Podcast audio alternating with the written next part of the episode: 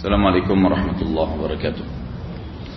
إن الحمد لله نحمده ونستعينه ونستغفره ونعوذ بالله من شرور أنفسنا ومن سيئات أعمالنا. من يهده الله فلا مضل له ومن يضلل فلا هادي له. وأشهد أن لا إله إلا الله وحده لا شريك له وأشهد أن محمدا عبده ورسوله. قال الله تعالى يا أيها الذين آمنوا اتقوا الله حق تقاته ولا تموتن إلا وأنتم مسلمون. وقال عز من قال أيها الناس اتقوا ربكم الذي خلقكم من نفس واحدة وخلق منها زوجها وبث منهما رجالا كثيرا ونساء واتقوا الله الذي تساءلون به والأرحم إن الله كان عليكم رقيبا. وقال عز وجل يا الذين آمنوا اتقوا الله وقولوا قولا سديدا يصلح لكم أعمالكم ويكفر لكم ذنوبكم. ومن يطع الله ورسوله فقد فاز فوزا عظيما. أما بعد فإن أصدق الحديث كتاب الله. وخير حديث حديث محمد صلى الله عليه وسلم وشر الأمور محدثاتها فإن كل مت بدعة وبدعة ضلالة ضلال في النار Ikhwah akhwat Bapak Ibu sekalian rahiman rahimakumullah.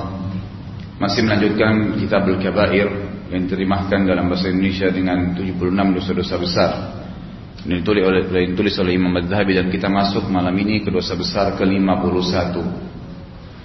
Sebenarnya dosa besar ke-51 ini masih berhubungan sekali dengan dosa besar ke-50 yang lalu. Kalau yang ke-50 itu menyakiti kaum muslimin secara umum. Baik itu di diri seorang muslim, kehormatannya, hartanya atau keluarganya. Ataupun menumpahkan darahnya. Itu umumnya kaum muslimin. Siapa pun yang syahadat tidak boleh pernah disakiti dan sifatnya kalaupun dia berbuat kejahatan dengan kita maka kita dianjurkan dalam Islam justru meluruskan kesalahan dia.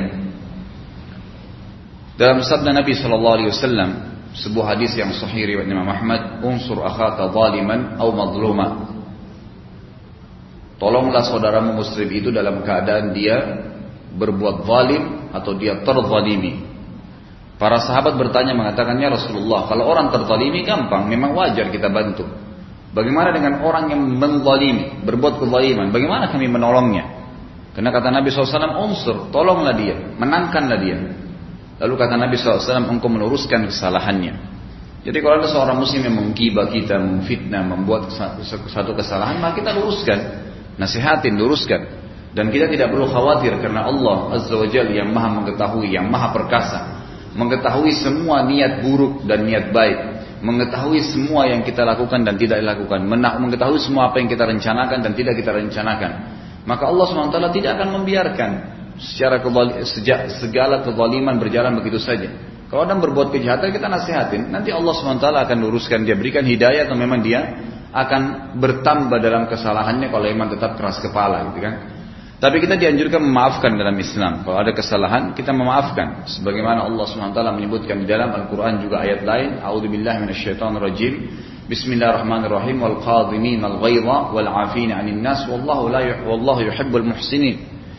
Dan orang-orang yang mampu menahan ya, emosinya pada saat dia mampu ya, mampu ya, melampiaskannya dia benar, dia mampu melampiaskan, tapi malah dia tahan. Wal qadhiminal ghaidh. Ghaidh itu marah yang tidak terkontrol dan memang dia dalam keadaan benar, tapi dia qadhim, dia tahan sama dia. Ya, dia tidak emosi, tidak lampiaskan. Kemudian dikatakan wal afina 'anil nas dan orang yang suka memaafkan orang lain. Allah yuhibbul muhsinin dan Allah mencintai orang-orang yang suka buat kebaikan. Hati seseorang muslim akan selalu bersih karena dia pada saat ya dizalimi dia akan memaafkan. Pada saat dia pun bermuamalah dengan orang lain, dia tidak akan berbuat kezaliman. Dia akan menjaga itu. Dia akan menjaga itu. Sudah saya titik beratkan bahwasanya kalau ada seseorang berbuat jahat dengan kita, kemudian kita maafkan tanpa dia minta maaf, maka tidak usah khawatir. Kadang-kadang bisikan syaitan mengatakan dalam hati kita, lalu bagaimana dia? Enak benar berbuat zalim kepada saya.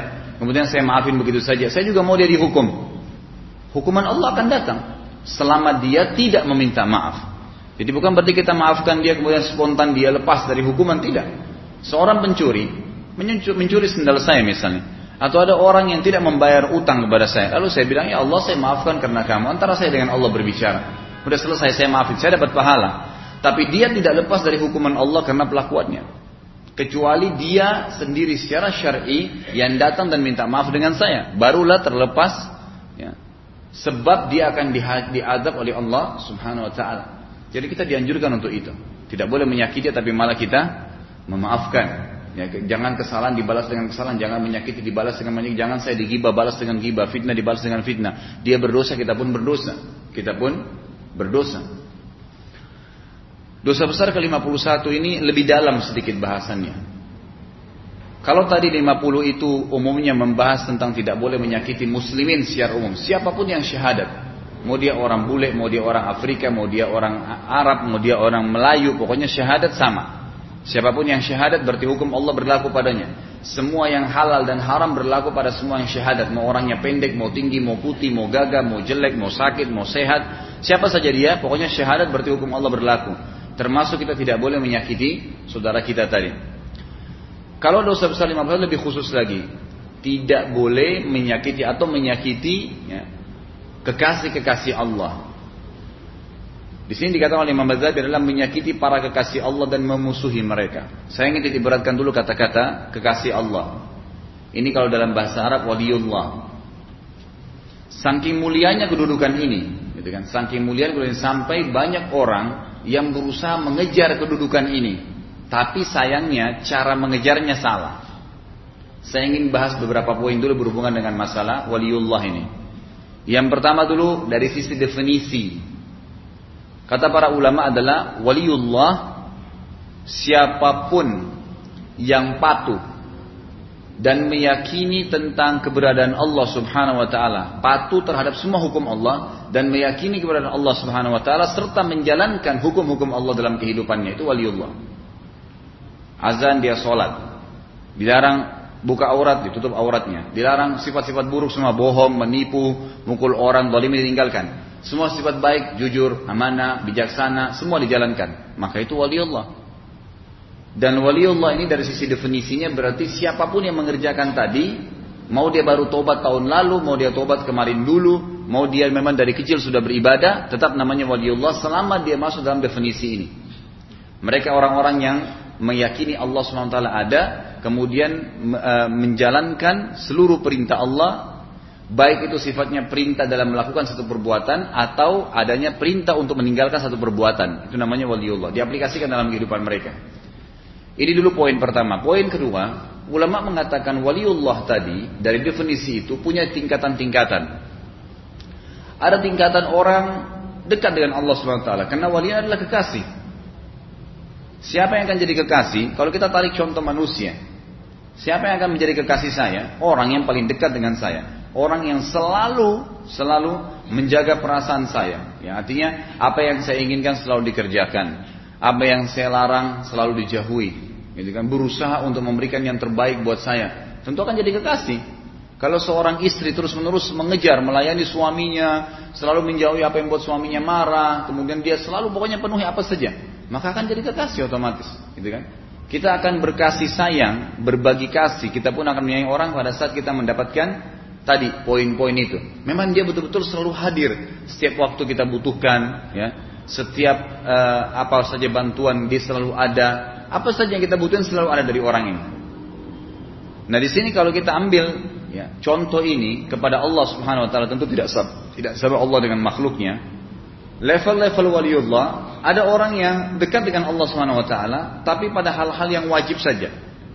Misal azan sholat, ya dia sholat. Puasa Ramadan, haji, eh, wajib-wajib dijalankan, tapi amal sunnah masih malas. Apakah dia termasuk waliullah? Kata ulama masih masuk waliullah. Kenapa? Karena dia memang patuh, yakin Allah ada. Dia patuh. Dan dia memang pada saat wajib dia tidak tinggalkan. Cuman yang sunnah pilihan dipilih sama dia.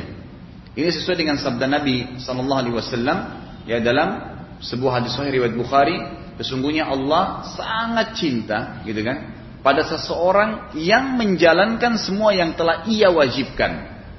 Jadi Allah SWT cinta pada orang itu karena yang wajib semua diamalkan. Gitu kan? Yang wajib semua diamalkan. Ini level yang pertama. Jadi siapa pun yang antum lihat, yang anda lihat, orangnya masya Allah sholat dijaga, dia jaga pergaulan tidak buat yang, eh, pokoknya hukumnya Allah lah. Yang halal dinikmatin, yang haram ditinggalkan gitu kan. Tapi sifatnya dia masih memilih-milih. Yang wajib didahulukan semua, yang sunnah masih dikerjain. Mungkin dia masuk masjid, ya sholat qabliyah duhur. Kalau ada kesempatan, tidak ada kesempatan dia nggak sholat. Duha ada kesempatan dia kerjain, tidak ada kesempatan dari kerjaan. Wah, sholat malam dia lagi serak dia sholat, tidak serak lagi dia nggak sholat, tidak apa-apa, karena itu sunnah. Tapi dia masih di level yang pertama. Ada level di atasnya. Orang yang lebih dekat dengan Allah Subhanahu Wa Taala, yang sifatnya juga dia mengerjakan semua perintah. Ya, apa? Dia mengimani Allah, kemudian mengerjakan perintah dan meninggalkan larangan. Tapi perintah ini nggak dipilah. Yang wajib, yang sunnah, semua dikerjain. Bahkan dia tidak pernah mau kehilangan apa pun. Tidak mau kehilangan apa pun. Tetapi ini berada di level di bawah sahabat dan para nabi. Level kedua ini dari wali adalah orang-orang yang mengerjakan semua perintah, yang wajib, yang sunnah, meninggalkan semua larangan, yang haram dan yang makruh, semua ditinggalkan, tidak ada yang dikerjakan, makruh aja ditinggalkan sama dia. Semua kehidupannya sehari-hari itu semua penuh dengan ibadah kepada Allah SWT jauh dari larangan-larangan Allah. Tapi mereka bukan level sahabat, bukan level nabi, bukan level para nabi. Maka orang-orang ini dikenal dengan waliullah. Dikenal juga waliullah. Tapi ini di atas level tadi yang pertama yang hanya mengerjakan yang wajib dan yang meninggalkan yang sunnah. Orang-orang ini selalu kita temukan subhanallah di setiap ada kesempatan ibadah dia selalu ada di pertama. Makanya Salama bin Dinar rahimahullah menasihati muridnya waktu tanya, "Wahai imam, apa nasihat Anda kepada kami?" Kata Imam Salama bin Dinar, "Saya nasihati kamu menjadilah orang yang terdekat dengan Allah." Bagaimana caranya? Orang yang paling Allah cintai, maksudnya waliullah. Bagaimana caranya? Murid ditanya, bagaimana caranya wahai imam? Kata Salama bin Dinar rahimahullah, "Jangan pernah kamu tidak hadir di waktu dan tempat di mana Allah mau kau hadir." Azan sah pertama, langsung di masjid. Allah tahu kita ada. Apa saja, haji sudah ada di sana. Sedekah, ya, jihad dia paling pertama. Apa saja perintah Allah dia paling pertama. Selalu Allah lihat dia pertama ada. Kata Salam bin ini, usahakan maksimal. Apa saja tinggalin urusan dia untuk, untuk urusan ini. Dan jangan pernah kamu, ya, ini jangan pernah kamu, apa, jangan pernah kau tidak hadir di tempat dan waktu yang Allah mau kau hadir. Yang selalu ada. Yang sebaliknya, jangan pernah kau hadir di tempat dan waktu di mana Allah tidak ingin kau hadir di situ. Tempat kemaksiatan. Kita hadir, Allah nggak mau kita di situ. Orang lagi gosip, orang lagi berbuat kemaksiatan umumnya, maka ditinggalkan. Ini berarti tingkat-tingkat waliullah. Ini disebutkan atau lebih rincinya tentang tingkatan kedua ini disebutkan oleh para ulama beranjak daripada hadis Nabi Shallallahu Alaihi Wasallam hadis qudsi yang sahih riwayat yang Bukhari Muslim bunyinya yazalu abdun yataqarrabu ilayya bin nawafil hatta uhibbuhu. Seorang hamba terus mendekatkan diri dengan saya, kata Allah SWT, dengan amalan-amalan yang wajib sudah lewat. Ditambah plus sunnah-sunnah. Terus yang nawafil dikerjakan. Duha nggak pernah ketinggalan. Kalau sholat pun selalu khusyuk, gitu kan. Semua dikasih haknya, semua dimaksimalin. Kalau dia takbir, dari takbir sampai salam dia dia ingin selalu hadir supaya pahalanya maksimal. Pada saat dia sodaka, dia sodaka yang paling baik yang dia miliki. Pada saat dia puasa, dia maksimalkan dengan baca Quran, dengan zikir, dengan banyak amal-amal soleh yang lainnya. Bukan cuma puasa begitu saja. Kata Allah SWT, ya, setiap hamba, seorang hamba terus menekan diri kepada saya dengan amalan-amalan tambahan-tambahannya selain wajib. Wajib sudah dikerjain. Sampai aku mencintainya.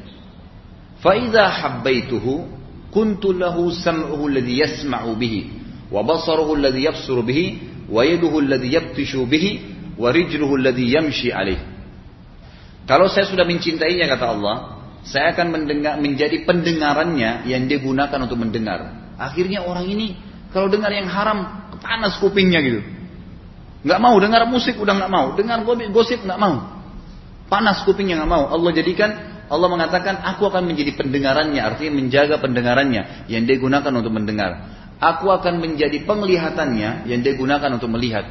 Kalau lihat yang haram itu rasanya kenapa ya? Sedih melihat kenapa orang ini melakukan gitu. Jadi dia sendiri merasa luar biasa, sudah nggak bisa, matanya sudah nggak mau berbuat hal yang salah. Apa sebabnya? Karena tadi kedekatannya dengan Allah beda. Orang terus habis habis ibadah ini ibadah apa lagi ya? Ibadah ini ibadah apa lagi ya? Antum dari pengajian pulang, entah di mobil putar lagi kasih ceramah. Habis itu dengar lagi tilawah, apa saja sampai tidur. Tidur uduk dulu ya sebelum tidur, kemudian zikir sebelum tidur, kemudian tidur pun niat untuk menguatkan diri agar bisa sholat malam. Semua ibadah. Jadi tidurnya pun ibadah. Bangun sholat malam, ya Allah kuatkan saya untuk supaya saya bisa khusyuk. Bangun sholat subuh, subuh lagi ke masjid. Terus diniatkan, sebentar saya akan duduk di masjid sampai terbit matahari misalnya. Saya akan sholat duha. Nanti duha saya akan ke kantor mencari rezeki halal. Semua detik demi detik ibadah, ibadah, ibadah, ibadah gitu kan. Terjaga. Dan aku kata Allah akan menjadi tangannya yang dia gunakan untuk memegang dan kakinya yang dia gunakan untuk melangkah. Jadi Allah SWT akan menjaga dia. Ini tentu ya level yang sangat luar biasa level yang sangat luar biasa. Ada level di atasnya dan ini memang sebagian besar ulama mengatakan tidak bisa dijangkau kecuali level para nabi-nabi dan sahabat-sahabat nabi tentunya juga ada di antaranya yang mendapatkan bukan berarti sahabat dengan nabi sama tidak. Tapi ulama mengatakan karena mereka hidup sezaman dengan Nabi SAW. Kita ambil contoh sahabat Nabi Muhammad SAW. Para sahabat Ridwanullah alaihim. Abu Bakar, Umar, Uthman, Ali, Talha, Zubair. Semua sahabat-sahabat Nabi gitu kan. Yang sangat dekat dengan Nabi SAW.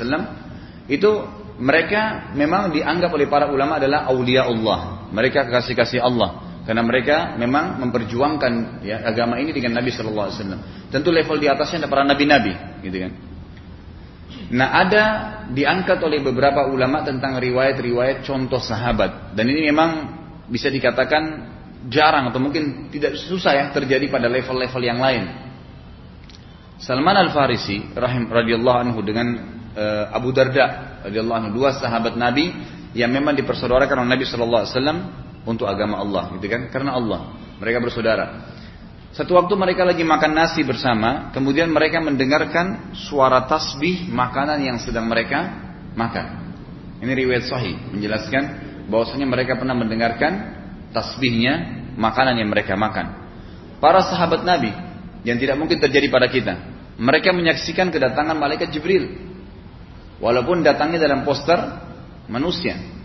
Gitu kan? Dalam hadis yang sahih yang sudah kita tahu kita pelajari sama-sama di kelas hadis dulu, hadis pertama dalam hadis arba'in innamal a'malu binniyat.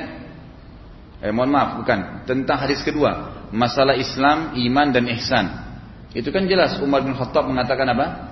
Kami telah duduk, kami sedang duduk, duduk bersama Nabi SAW. Telah, lalu datanglah seseorang yang menggunakan baju yang putih bersih, ya kan gitu, memiliki wajah yang bersih, kemudian meng, uh, tidak ada tanda-tanda safar padanya dan tidak seorang pun di antara kami mengenalnya. Lalu dia duduk di depan Nabi SAW meletakkan lututnya dempet dengan lutut Nabi SAW lalu dia bertanya wahai Muhammad ajarkan kepada aku beritahukan kepada aku apa itu Islam. Lalu Nabi SAW mengatakan Islam itu engkau syahadat, ya, kemudian engkau salat, engkau puasa, ya, engkau zakat, engkau puasa dan engkau haji kalau kau mampu.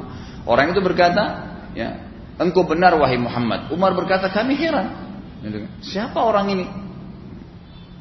Dia yang bertanya, dia yang membenarkan. Biasanya orang bertanya nggak mungkin membenarkan. Dia berkata, engkau benar wahai Muhammad. Lalu ditanya lagi, wahai Muhammad beritahukan saya tentang iman. Kata Nabi SAW mungkin iman. Iman kepada Allah, eh, malaikat, hari eh, kitab-kitab, nafsu rasul, hari kiamat dan takdir baik dan takdir buruk. Lalu orang itu berkata lagi, engkau benar wahai Muhammad. Sadaq. Umar berkata kami heran lagi. Dia bertanya, dia yang benarkan. Lalu ditanya lagi orang yang tersebut, Ayah Muhammad beritahukan kepada saya apa itu ihsan, tingkat tertinggi daripada agama kita. Muslim dulu, baru mukmin, baru muhsin, gitu kan. Kata Nabi SAW, ihsan adalah engkau menyembah Allah dengan keyakinan Allah melihatmu. Kalau kau tidak, kalau kau e, pastikan Allah, e, kalau kau e, apa, engkau menyembah Allah seakan-akan Allah melihatmu. Kalau kau Allah Allah tidak melihatmu, engkau bingung, Allah tidak lihat, maka yakinlah bahwasanya e, apa, engkau menyembah Allah seakan-akan engkau melihatnya. Kalau engkau tidak eh, kalau engkau tidak dilihat, maka pastikanlah eh, kalau engkau tidak melihatnya, pastikanlah dia melihatmu. Gitu kan? Itu ihsan, tingkat daripada yang tertinggi dalam agama. Lalu orang itu berkata, engkau benar. Kata Umar, kami heran kenapa orang ini menanya dan dia membenarkan. Lalu orang itu berkata, kapan kiamat wahai Muhammad? Kata Nabi SAW, yang bertanya dan yang ditanya tidak lebih tahu. Saya dan kamu tidak tahu. Lalu orang itu berkata, kalau gitu beritahukan kepada saya tanda-tandanya. Kata Nabi SAW, tanda-tandanya adalah seorang orang yang bebas dilahirkan oleh budak. Artinya ada seorang wanita yang masih dalam keadaan keterbudakan, lalu dia ya e, apa namanya digauli oleh tuannya, kemudian dia hamil dan lahirlah anak dari tuannya. Maka itu sementara dia belum dibebaskan dari keterbudakan, maka anaknya menjadi tuan. Seorang budak wanita melahirkan anak yang bebas, tuan. Dan engkau akan temukan pengembala-pengembala kambing yang hidupnya susah tapi berlumba-lumba membangun bangunan yang tinggi. Gitu kan? Lalu orang itu pun pergi. Setelah pergi kata Nabi SAW kepada Umar, wahai Umar, kau tahu siapa itu? Yang tadi datang, Umar mengatakan Allah dan Rasulnya lebih tahu. Allah dan Rasulnya lebih tahu. Kata Nabi SAW itu Jibril datang mengajarkan agama kalian. Berarti di sini malaikat menyaksikan. Apa para, para sahabat menyaksikan para malaikat dengan mata kepala mereka. Kita nggak bisa menyaksikan itu, gitu kan? Kita tidak bisa menyaksikan. Belum lagi terjadi di perang Badar, kan gitu. Banyak di antara kejadian-kejadian yang membuktikan malaikat itu hadir sebagaimana sabda Nabi SAW beliau mengatakan waktu jenazah-jenazah orang-orang kafir Quraisy dikumpulkan di perang Badar lalu kata Nabi SAW kalau kalian mau tahu perbedaan antara ya korban kalian dan korban para malaikat kalian akan temukan di setiap tebasan itu kalau malaikat ada uh, apa uh, ada diikuti dengan hangus ya sesuatu yang membakar karena pedang-pedang mereka itu uh, bersama dengan pedang mereka ada apinya jadi kalau malaikat menebas leher orang kafir Quraisy, maka e, ditemukan di lehernya itu ada bekas terbakar. Dan seorang sahabat dalam riwayat Bukhari mengatakan, saya pada saat di perang Badar ingin menebas leher seorang kafir Quraisy, tiba-tiba lehernya sudah terbang sendiri. Itu kan sudah terputus dengan sendirinya. Maka aku tidak tahu siapa itu. Lalu Abbas, paman Nabi, radhiyallahu anhu waktu itu belum masuk Islam di perang Badar ya, ditawan. Abbas ini orangnya tinggi besar, orangnya tinggi besar. Yang tangkap dia Abdullah bin Mas'ud. Maksudnya orangnya sangat kurus, kecil sekali, gitu kan? Sampai tuh naik di atas pohon kurma, bajunya ter, ter, badannya tertiup angin, gitu kan? Betisnya kelihatan. Saking kecilnya sahabat tertawa. Itu kan saking kurusnya Abdullah bin Mas'ud radhiyallahu anhu ini. Lalu Nabi SAW mengatakan, apakah kalian menertawakan betisnya bin Mas'ud demi Allah? Betisnya bin Mas'ud ditimbangan di sisi Allah lebih berat daripada gunung Uhud. Nah, ini kefadilah beliau kan. Abdullah bin Mas'ud ini memegang tangannya Abbas. Ya kan? Abbas ini tinggi besar dan Abbas ini teriak-teriak. Ah, oh, kesakitan gitu. Lalu dia jalanlah dia, Abdullah masuk jalan. Orang semua lihat nasihat ada apa yang sebenarnya gitu. Nah setelah Abbas masuk Islam, itu kan ditanya, kenapa waktu di perang Badar dulu anda dipegang oleh Abdullah? Abdullah Mas'ud ini kurus gini, kok kenapa anda teriak-teriak? Dia bilang demi Allah, ya seakan-akan bukan Ibnu Mas'ud. Saya melihat seseorang yang menggunakan baju putih yang memegang tangan saya sampai mau dipatahkan oleh orang itu. Jadi malaikat yang datang gitu. Tapi itu disaksikan oleh mereka pada saat itu, gitu kan? Kemudian Usaid bin Khudar radhiyallahu anhu, sahabat Nabi yang mulia. Beliau lagi baca Quran malam hari. Kemudian beliau melihat ada cahaya putih yang datang mendengarkan cahaya. Ya pada saat beliau membaca Al-Quran ada kuda di sebelahnya. Setiap dia baca Al-Kahfi berapa ayat, kudanya berontak. Dia balik lagi, dia diam, baca berhenti baca ayatnya, kudanya diam. Waktu dia baca yang kedua kali, berontak lagi kudanya sampai tiga kali. Pada saat sudah ketiga kali dia bilang saya angkat pandangan saya mata mata saya ke langit saya temukan cahaya putih menembus langit, gitu kan. Lalu saya bersegera datang ke masjid Nabi SAW menjelang azan subuh lalu saya berkata ya Rasulullah kejadiannya begini. Kata Nabi SAW apa kepada Usaid ibn Khudair radhiyallahu anhu, sahabat yang mulia. Beliau mengatakan wahai Usaid demi Allah kalau seandainya kau baca Quranmu sampai pagi sampai terbit matahari maka para, penduduk Madinah akan menyaksikan malaikat yang datang mendengarkan bacaanmu. Jadi memang ada luar biasa kejadian-kejadian di zaman sahabat ini. Gitu kan mereka menyaksikan ini tidak terjadi dan ini termasuk ya hal-hal yang berhubungan dengan waliullah. Dan memang ulama membahas semua yang diberikan oleh Allah kepada wali-walinya ini dikenal dengan karamatul aulia. Karamat aulia. Baik, poin setelahnya saya ingin bahas tentang masalah ya, poin ketiganya berhubungan dengan masalah ini adalah masalah karamatnya. Apa sih yang Allah berikan kepada aulia. Sekarang tadi kita sudah sebutkan definisi, kita sudah sebutkan tingkatan-tingkatan wali-wali Allah. Tentu yang tertinggi para nabi-nabi. Udah nggak bisa dibahas para nabi kan gitu. Karena mereka bertemu langsung dengan Jibril dengan poster aslinya. Mereka mendengar suara Allah seperti Nabi Musa alaihissalam. Mereka banyaklah tanda-tanda yang mereka saksikan sendiri dari kekuasaan Allah sementara di antara Nabi SAW waktu Mi'raj ke langit yang melihat kekuasaan Allah luar biasa gitu itu tidak mungkin terjadi pada manusia biasa itu jelas aulia Allah Baik, aulia masuk nabi dan masuk orang-orang salat tapi level tertinggi para nabi-nabi. Kita masuk sekarang poin ketiga berhubungan dengan masalah waliullah ini adalah karamatil aulia. Ada yang dikenal dengan karamat. Apa itu karamat?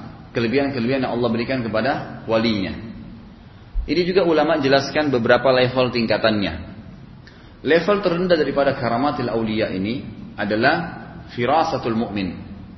Adalah firasatul mu'min. Apa itu firasatul mukmin? Nabi SAW menjelaskan, gitu kan? Sungguh firasat mukmin adalah benar. Jadi kalau orang dekat dengan Allah Subhanahu Wa Taala, dia Allah karunia firasat dalam hatinya. Kalau ada orang mau niat jahat dia tahu. Ya, dia merasakan sesuatu. Kalau ada orang mau niat baik dengan dia dia tahu, gitu kan. Ada perasaan, dia bisa feeling, gitu kan. Itu ada. Tapi ini memang bukan berarti setiap perasaan ditunggangi itu enggak. Memang ini akan ada sendirinya. Itu biasanya kalau dia sudah sangat dekat dengan Allah SWT, tiap hari lisan, tiap saat lisannya berzikir kepada Allah, tiap hari beribadah kepada Allah, maka diberikan masalah ini. Yang kedua di atasnya ada namanya ru'yah sadiqah. Ru'yah sadiqah ini sebagaimana sabda Nabi SAW, artinya mimpi yang benar ya. Ru'yah sadiqah adalah bagian daripada 63 cabang kenabian dan itu akan diberikan kepada aulia Allah. Jadi misalnya dia mau pergi haji, nanti dia mimpi lihat Ka'bah dia mau uh, apa namanya dia uh, mau bertemu dengan orang tuanya nanti dia mimpi beberapa hari sebelumnya ada hal-hal yang Allah swt perlihatkan gitu kan? Maka itu masuk dalam karamatil aulia. Ada yang lebih lagi daripada itu tapi ini memang dibatasi oleh para ulama. Umumnya dia tidak mengetahuinya. Seperti misalnya dia bisa mengobati orang yang sakit gitu kan? Memang bisa terjadi. Ada orang-orang yang bisa mengobati orang yang sakit misalnya dengan mendoakan kepada Allah Subhanahu wa taala. Bisa terjadi, bisa terjadi. Tapi ini umumnya dia tidak tahu. Kalau ada orang yang mengatakan kata Imam Syafi'i rahimahullah mengatakan saya adalah waliullah, dia mengaku dirinya waliullah, maka jangan kamu percaya. Karena umumnya orang-orang yang tidak tahu kalau dia waliullah. Dia terus beribadah, tapi ada kelebihan yang Allah berikan. Cuman ini tingkatan-tingkatan tadi yang disebutkan oleh para ulama gitu.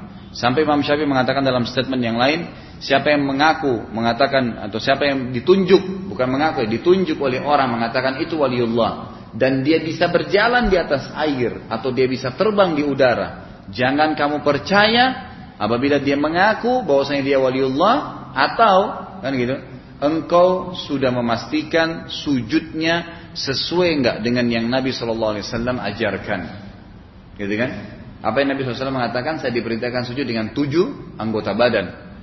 Jadi dari sujud jadi patokan oleh Imam Syafi'i rahimahullah. Dahi sama hidung, dua telapak tangan, telapak tangannya semua jari-jarinya rapat, kemudian ada jarak antara siku dengan tulang rusuk, ada jarak antara siku dengan lantai, ada jarak antara siku dengan paha, paha dengan perut, semua ada batas-batasannya. Kemudian jauh jarak antara paha belakang dengan betis, ya.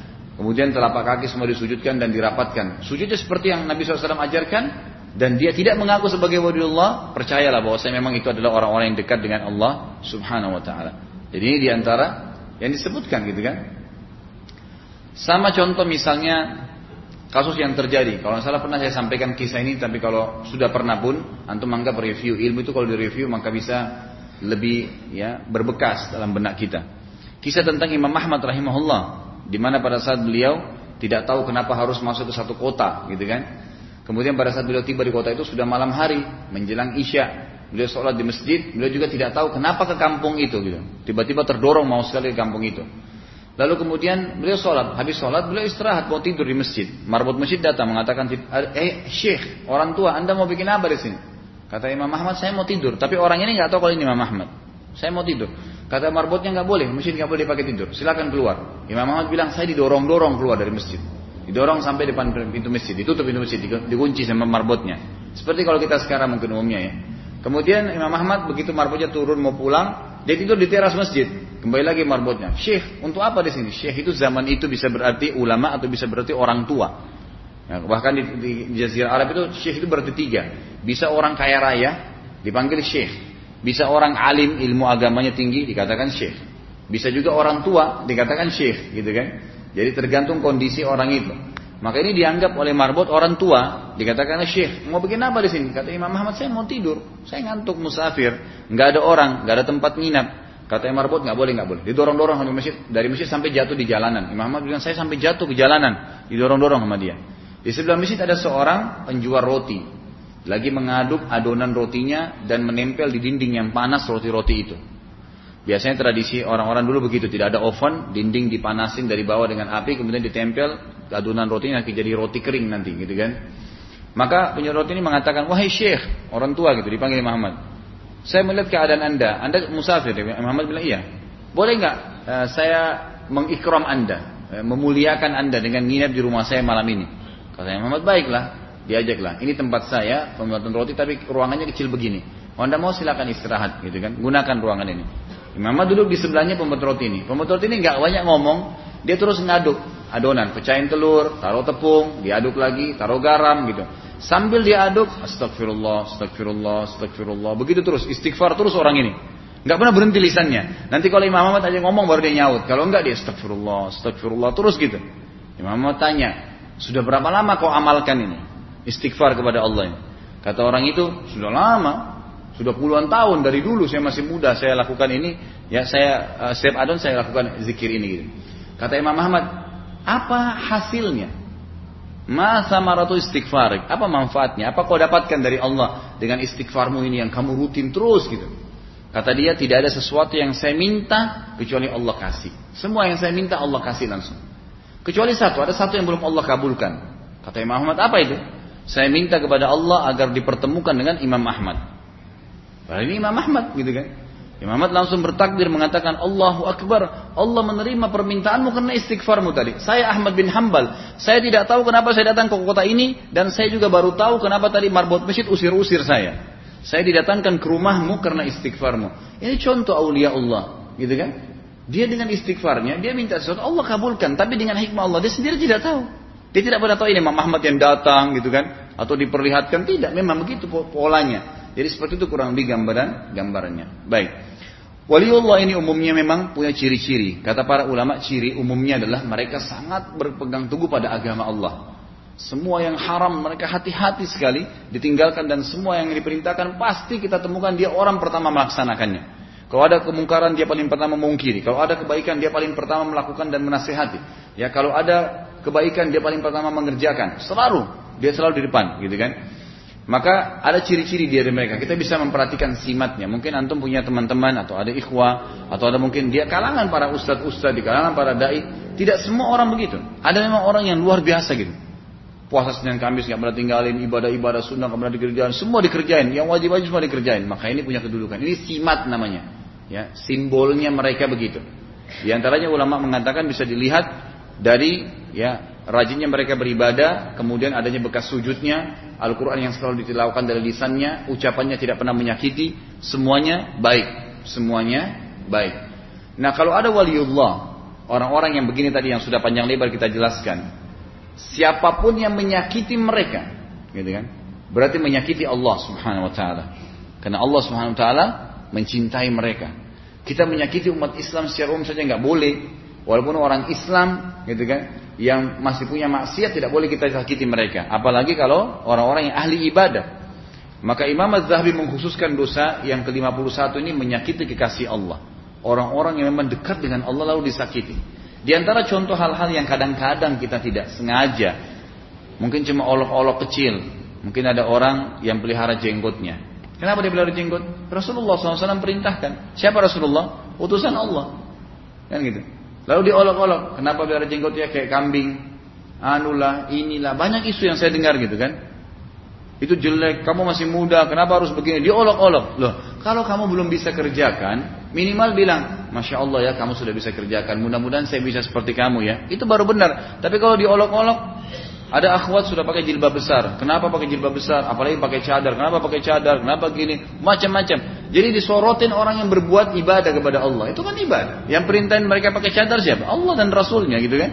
Dan mereka bisa sampai pada level itu mau mengerjakan tuh berarti karena imannya. Karena imannya. Nggak boleh diolok-olok. Ini contoh kecil. Ada orang lebih besar lagi Kadang-kadang subhanallah ada orang yang benci sekali dengan waliullah, ya, benci sekali dengan orang yang dekat dengan Allah swt. Orang yang dekat dengan sunnah Nabi Shallallahu Alaihi Wasallam dibenci, itu kan dibenci. Tidak boleh masuk masjidnya, tidak boleh ngobrol, tidak boleh nikah, nggak mau transaksi, sinis kalau lihat wajahnya, banyak hal. Maka ini yang dimaksud oleh Imam Mazhabi rahimahullah membenci kekasih Allah atau menyakiti mereka. Ini beliau mengatakan menyakiti para kasih Allah dan memusuhi mereka. Kadang-kadang orang memusuhi tanpa sebab gitu, tanpa sebab. Mungkin karena dia biasa dinasehatin di kantor, eh sudah sholat sholat yuk, ah sok alim loh gitu kan, nggak mau nasihatin loh. Orang baik-baik ingatin, oh iya makasih ya, insya Allah nanti saya sholat, jazakallah khair atau kita ucapin terima kasih, bukan malah kita olok-olok orang, gitu kan. Syukur-syukur dia mau ingatin. Gitu kan. Di sini beliau mengangkat firman Allah SWT sebagai dalil surah Al-Ahzab. Ayat 57 sampai 58. A'udzubillahi minasyaitonirrajim. Bismillahirrahmanirrahim. Innal ladzina yu'dhuna Allah wa rasulahu la'anahumullahu fid dunya wal akhirah wa 'adda lahum 'adzaban muhina wal ladzina yu'dhuna al mu'minina wal mu'minati bighairi maktasabu faqad ihtamalu buhtanan wa ithman mubina. Sesungguhnya orang-orang yang menyakiti Allah dan Rasulnya, Allah akan melaknatinya di dunia dan di akhirat. Bagaimana bagaimana menyakiti Allah? Gitu kan? Dikatakan oleh Nabi SAW dan hadis Qudsi yang lain, Allah berkata, Wahai anak Adam, Engkau telah menyakitiku Dengan cara engkau menyakiti kekasih-kekasihku Wahai anak Adam Bagaimana bisa aku sedang sakit engkau tidak menjengukku? Bagaimana caranya kita jenguk Allah? Allah SWT menjelaskan hadis ini karena hamba-hambaku yang soleh telah sakit engkau tidak menjenguknya. Wahai anak Adam, engkau tidak membantuku, tidak memberiku. Bagaimana caranya? Ya. Banyak kekasihku yang kelaparan, mereka butuh bantuan, engkau tidak bantu dan seterusnya, gitu kan? Berarti ini yang dimaksud dengan tadi menyakiti Allah dengan menyakiti orang-orang yang dekat dengan Allah Subhanahu Wa Taala. Menyakiti Rasulnya, kata para ulama tafsir, maksud adalah menyakiti Rasulullah SAW. Sementara beliau hidup, misalnya dengan kata-kata yang kasar. Ada beberapa sahabat dari Badui yang tidak mengerti hukum, datang teriak dari lubang-lubang Nabi SAW lalu mengatakan apa? Hai Muhammad, keluarlah. Tidak mengatakan ya Rasulullah. Ada begitu. Maka Allah SWT menurunkan ayat mengingatkan mereka. Rajim, Ya ayyuhalladzina amanu la tarfa'u aswatakum fawqa sautin nabi. Wala yajhar ba'dukum wala yajhar apa ayatnya? Jadi artinya intinya adalah ayatnya ya ayuhan nabi ya ayyuhalladzina amanu la tarfa'u aswatakum fawqa sautin nabi. Jangan hai orang-orang beriman, jangan kalian angkat suara kalian di atas suara nabi. Nabi bicaranya volumenya 5, kita juga harus kita 4, nggak boleh kita 6, gitu kan. Karena di sini Pak ada orang-orang Badui yang tadi itu ngangkat suara di depan rumah Nabi SAW. Tapi Allah masih panggil orang yang beriman, hai orang beriman, jangan kalian angkat suara kalian di atas suara Nabi. Ini termasuk menyakiti. Juga pernah terjadi waktu Nabi SAW selesai menikahi Zainab ya binti Jahash radhiyallahu anha waktu sudah nikah para sahabat banyak yang masih duduk di rumah Nabi SAW masih duduk di rumah Nabi SAW mereka setelah makan tidak pulang ngobrol lama sampai malam maka turun ayat mengingatkan Allah SWT mengingatkan sesungguhnya Nabi itu merasa terganggu ya kalian menyakiti Nabi tapi dia malu untuk menyampaikan dan Allah tidak malu untuk menyampaikan maka para sahabat pun akhirnya meninggalkan rumah Nabi Sallallahu Alaihi Wasallam. Jadi ada bentuk menyakiti. Masih hidup juga begitu. Ada orang yang kadang-kadang menyakiti secara fisik, ya. Ada yang menarik imam Nabi Shallallahu Alaihi dari orang-orang Badui pada saat dikumpulkan ghanimah harta rampasan perang lalu dia mengatakan wahai Muhammad bagikanlah sambil ditarik gitu kan. Maka itu di antaranya. Ada juga orang menyakiti Nabi SAW setelah Nabi meninggal. Seperti apa? Ya, menyakiti orang-orang yang beliau cintai. Mencoreng sunnahnya. Banyak seperti orang-orang Syiah sekarang mengkafirkan Aisyah. Mengkafirkan siapa Aisyah? Istri Nabi. Berarti menganggap Nabi SAW salah pilih orang. Gitu kan.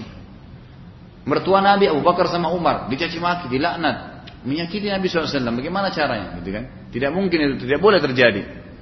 Di sini katakan sesungguhnya orang-orang menyakiti Allah dan Rasulnya, Allah akan melaknatinya, dianggap ber, diangkat berkah hidupnya di dunia dan di akhirat, dan menyediakan baginya siksa yang menghinakan. Kata ulama tafsir menghinakan adalah hidupnya akan terhina di dunia sebelum dia pindah ke akhirat dan di akhirat dia akan mendapatkan azab yang sangat menghinakan atau menyedihkan. Dan orang-orang yang menyakiti lanjutan ayat dan orang-orang yang menyakiti orang-orang mukmin dan mukminah tanpa kesalahan yang mereka perbuat.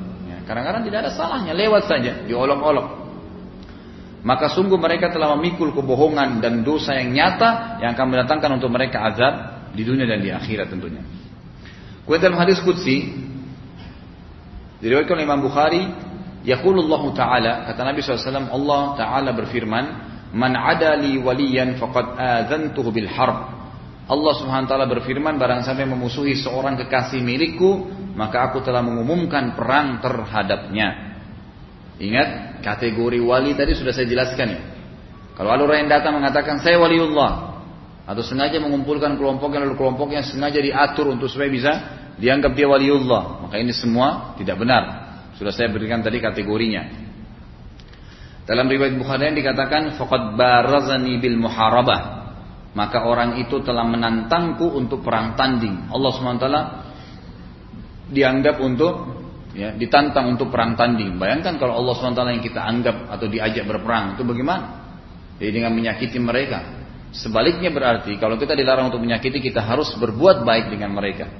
Makanya kata Nabi SAW apa tentang makanan? La ya'kulu ta'amaka illa taqi wa la yashrabu syarabaka illa taqi. Hendaklah tidak memakan makananmu kecuali orang yang paling bertakwa dan janganlah minum minumanmu kecuali orang yang paling bertakwa. Di orang yang soleh fokus ke mereka, bantu, gitu kan? Bantu. Kalau ada imam masjid kah, penghafal Quran kah, eh, orang-orang yang dekat dengan Allah SWT, maka itu lebih baik kita bantu, berikan apa saja, gitu kan? Yang kira-kira memang bentuk cinta kita kepada Allah karena ini adalah orang-orang yang dekat dengan Allah Subhanahu wa taala. Semestinya mereka-mereka lah orang yang kita junjung, yang kita hormatin. Dan itu yang terjadi di kalangan para sahabat, di kalangan para sahabat. Makanya di sini dalil terakhir yang beliau angkat di sini adalah pernah satu kali Abu Bakar. Siapa Abu Bakar ini? Sahabat Nabi yang paling mulia gitu. Allah anhu. Beliau pernah lewat jalan, berselisih jalan, ada satu orang miskin di wilayah daerah Sufa. Sufa ini sebuah tempat di belakang rumah Nabi Shallallahu Alaihi Wasallam yang dikhususkan untuk orang-orang yang menuntut ilmu saja. Jadi kalangan sahabat pun ada levelnya ya. Ada sahabat yang memang tiap hari dengar hadis Nabi, tiap hari. Dan ikutin Nabi, itu tinggal di belakang rumah Nabi namanya Sufa. Mereka tunggu di situ. Nabi keluar, lihat Nabi pakai baju apa, rambutnya sisir bagaimana, cara jalannya bagaimana. Kira-kira wahyu turun, langsung di mereka yang dapatkan ilmu pertama, nanti mereka nyebarkan ke sahabat Nabi yang lain. Ini level tertinggi dari para sahabat. Ada sahabat yang cuma datang ke masjid, kapan hanya masuk Baik, ada orang yang cuma datang ke masjid hanya pada saat Jumat saja misalnya. Maka ini berarti levelnya lebih di bawah lagi. Nah ada pernah terjadi, saya tutup dengan kisah ini ya. Abu Bakar pernah lewat, kebetulan kakinya kesentuh dengan salah satu ashabus sufa tadi. Orang yang duduk di situ. Lalu Abu Bakar sempat marah dengan orang itu. Waktu marah, maka orang itu diam. Terdengar kepada Nabi Wasallam. Apa kata Nabi SAW kepada Abu Bakar? Lihat riwayat terakhir. Ya Abu Bakar, in kunta abghadtahum laqad abghadta rabbak. Wahai Abu Bakar, kalau kau telah membuat orang-orang itu tadi, penuntut-penuntut ilmu ini marah, maka engkau telah membuat Tuhanmu marah. Engkau telah membuat Tuhanmu marah. Abu Bakar saya ditegur, gitu kan? Padahal ini adalah level para sahabat. Maka memang kita harus hati-hati untuk tidak menyakiti para wali-wali Allah. Semoga semoga apa yang kita sampaikan semua diberkahi oleh Allah SWT. Kalau benar dari Allah, kalau ada salah dari saya mohon dimaafkan. Subhanakallahumma bihamdika asyhadu. Wassalamualaikum warahmatullahi wabarakatuh.